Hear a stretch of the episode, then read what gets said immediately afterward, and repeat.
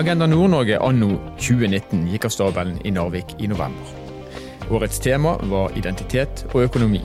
Foredragene fra årets Agenda Nord-Norge de har vi delt opp i passelige bolker. Så du kan eh, høre ett foredrag hvis du vil, eller du kan høre alle. Du lytter på Nord-Norge i verden. Mitt navn er Stein Vidar Loftaas. Og med det så setter jeg over til eh, konferansieren, som var Frank Jørstad.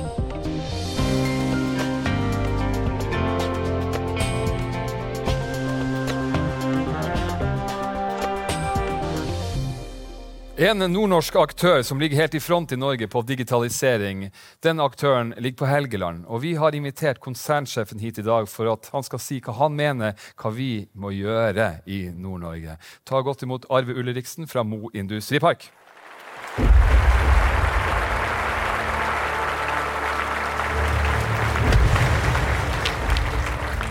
Ja, tusen takk for å bli invitert til å snakke på det som kanskje er Nord-Norges fremste scene.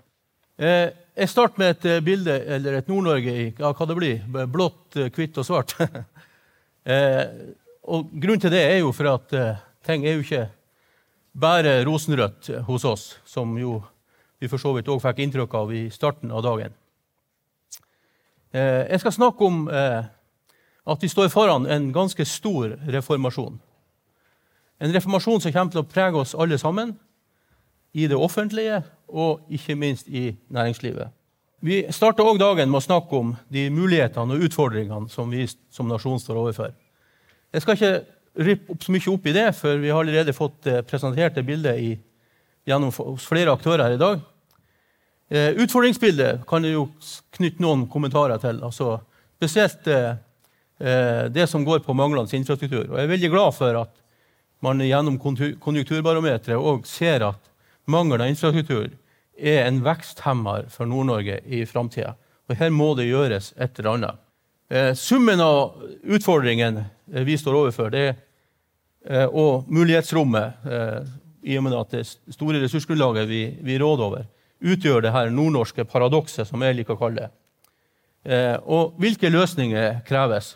Jeg mener at digitalisering er en av de områdene som kan virkelig løse en stor del av de problemene vi sliter med i nord, enten det er avstander eller befolkningsvekst eller eh, frafall osv. Digitalisering eh, er viktig. Eh, vi, det skjer så mye rundt i verden, eh, og, og, som vi ikke, etter mitt syn, tar godt nok eh, eh, vare på. Vi er ikke gode nok på å utarbeide strategier. Vi er ikke gode nok på å lage mål for eh, hva vi skal gjøre med disse verktøyene her inn i framtida. Men noe må gjøres, og vi må ta tak nå. Vi kan ikke vente med å, å gjøre noe her. Ellers så går det galt. Så hva er nå det her digitaliseringa for noe egentlig? Mange jo, eh, sånn, opplever dette som veldig diffust. Men i sum så snakker vi om noen teknologiområder som i sum er meget kraftfull. så kraftfull at det gir store samfunnsendringer. Og hver en av disse teknologiområdene her er kraftfull i seg sjøl, som kunstig intelligens og det som skjer innenfor robotisering, og ikke minst det som skjer rundt utvikling av nye sensorikk, som gjør oss i stand til å fange eh, data i et omfang som vi aldri har gjort eh, tidligere.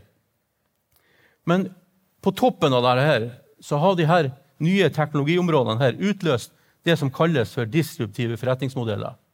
Og så er det sånn at dagens forretningsmodeller, som er linære i, i, sin utforming, innenfor alle bransjer, vil, om ikke vi tar tak, bli vanna ut og forringes.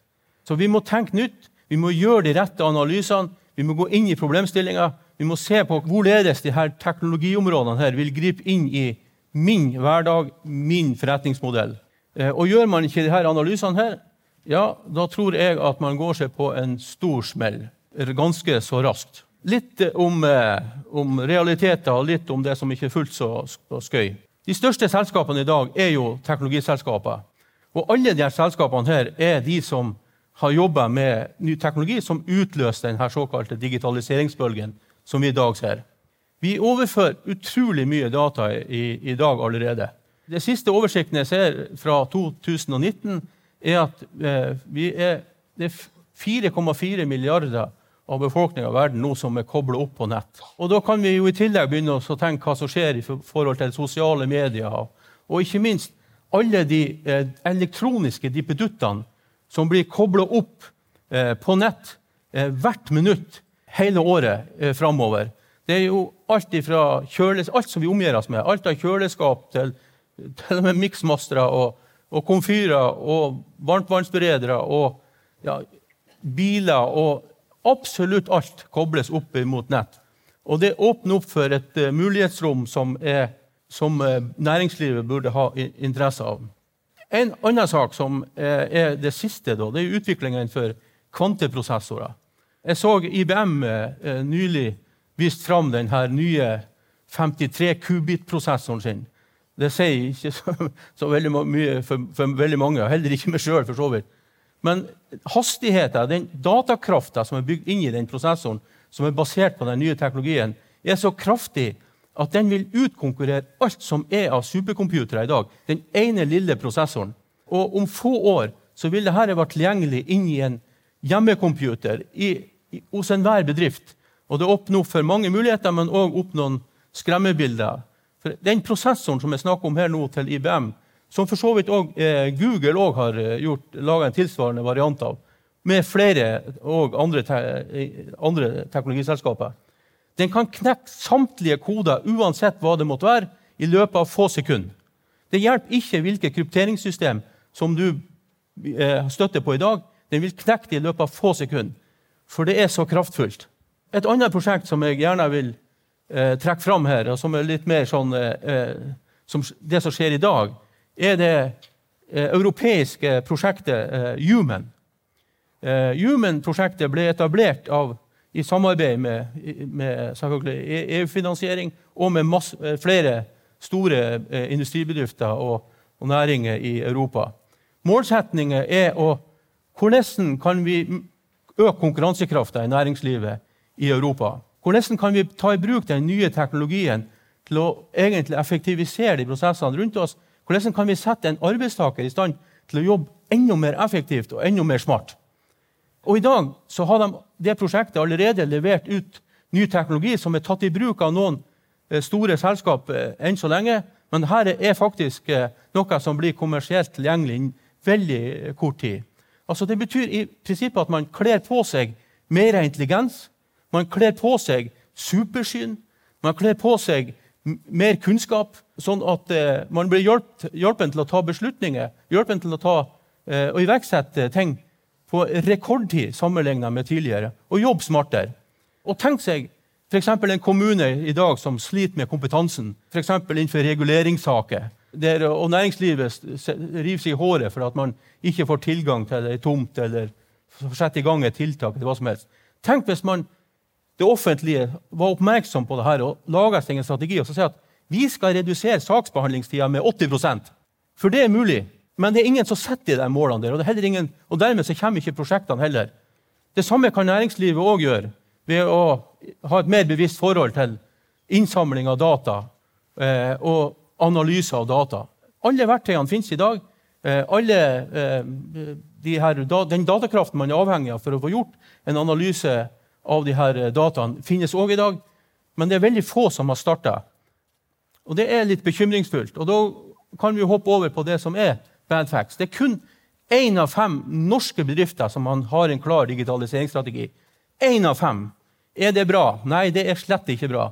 Og Min hypotese er også at en, vi er enda verre stilt oppe i nord enn, i enn snittet for resten av landet. Eh, og Jeg håper det sitter noen eh, næringslivsledere det vet jo det gjør, og nå kanskje noen industriledere òg her, som i sterkere grad kan ta det her inn over seg eh, og rett og slett begynne å jobbe med strategier og sette seg mål.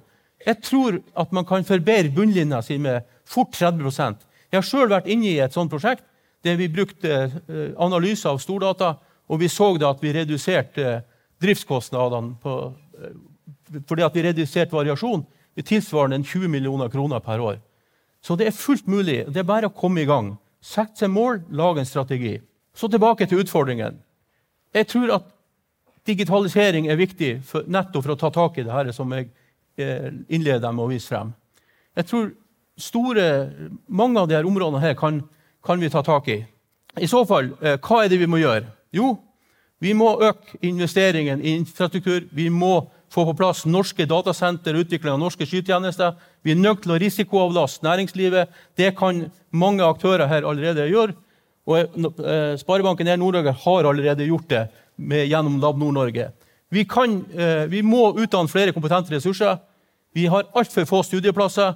Vi må etablere sterke, robuste IT-miljø, og vi må reformere hele studieløpet. På samme måte som, som eh, NTNU har gjort ved å eh, reformere samtlige av sine 130 teknologiprogram. Og med det så sier jeg takk for meg. Dette var altså et opptak fra årets Agenda Nord-Norge, som ble avholdt i Narvik i november. Vil du høre mer, så finnes det flere episoder. Dette er Nord-Norge Verden. Mitt navn er Stein Vidar Loftaas.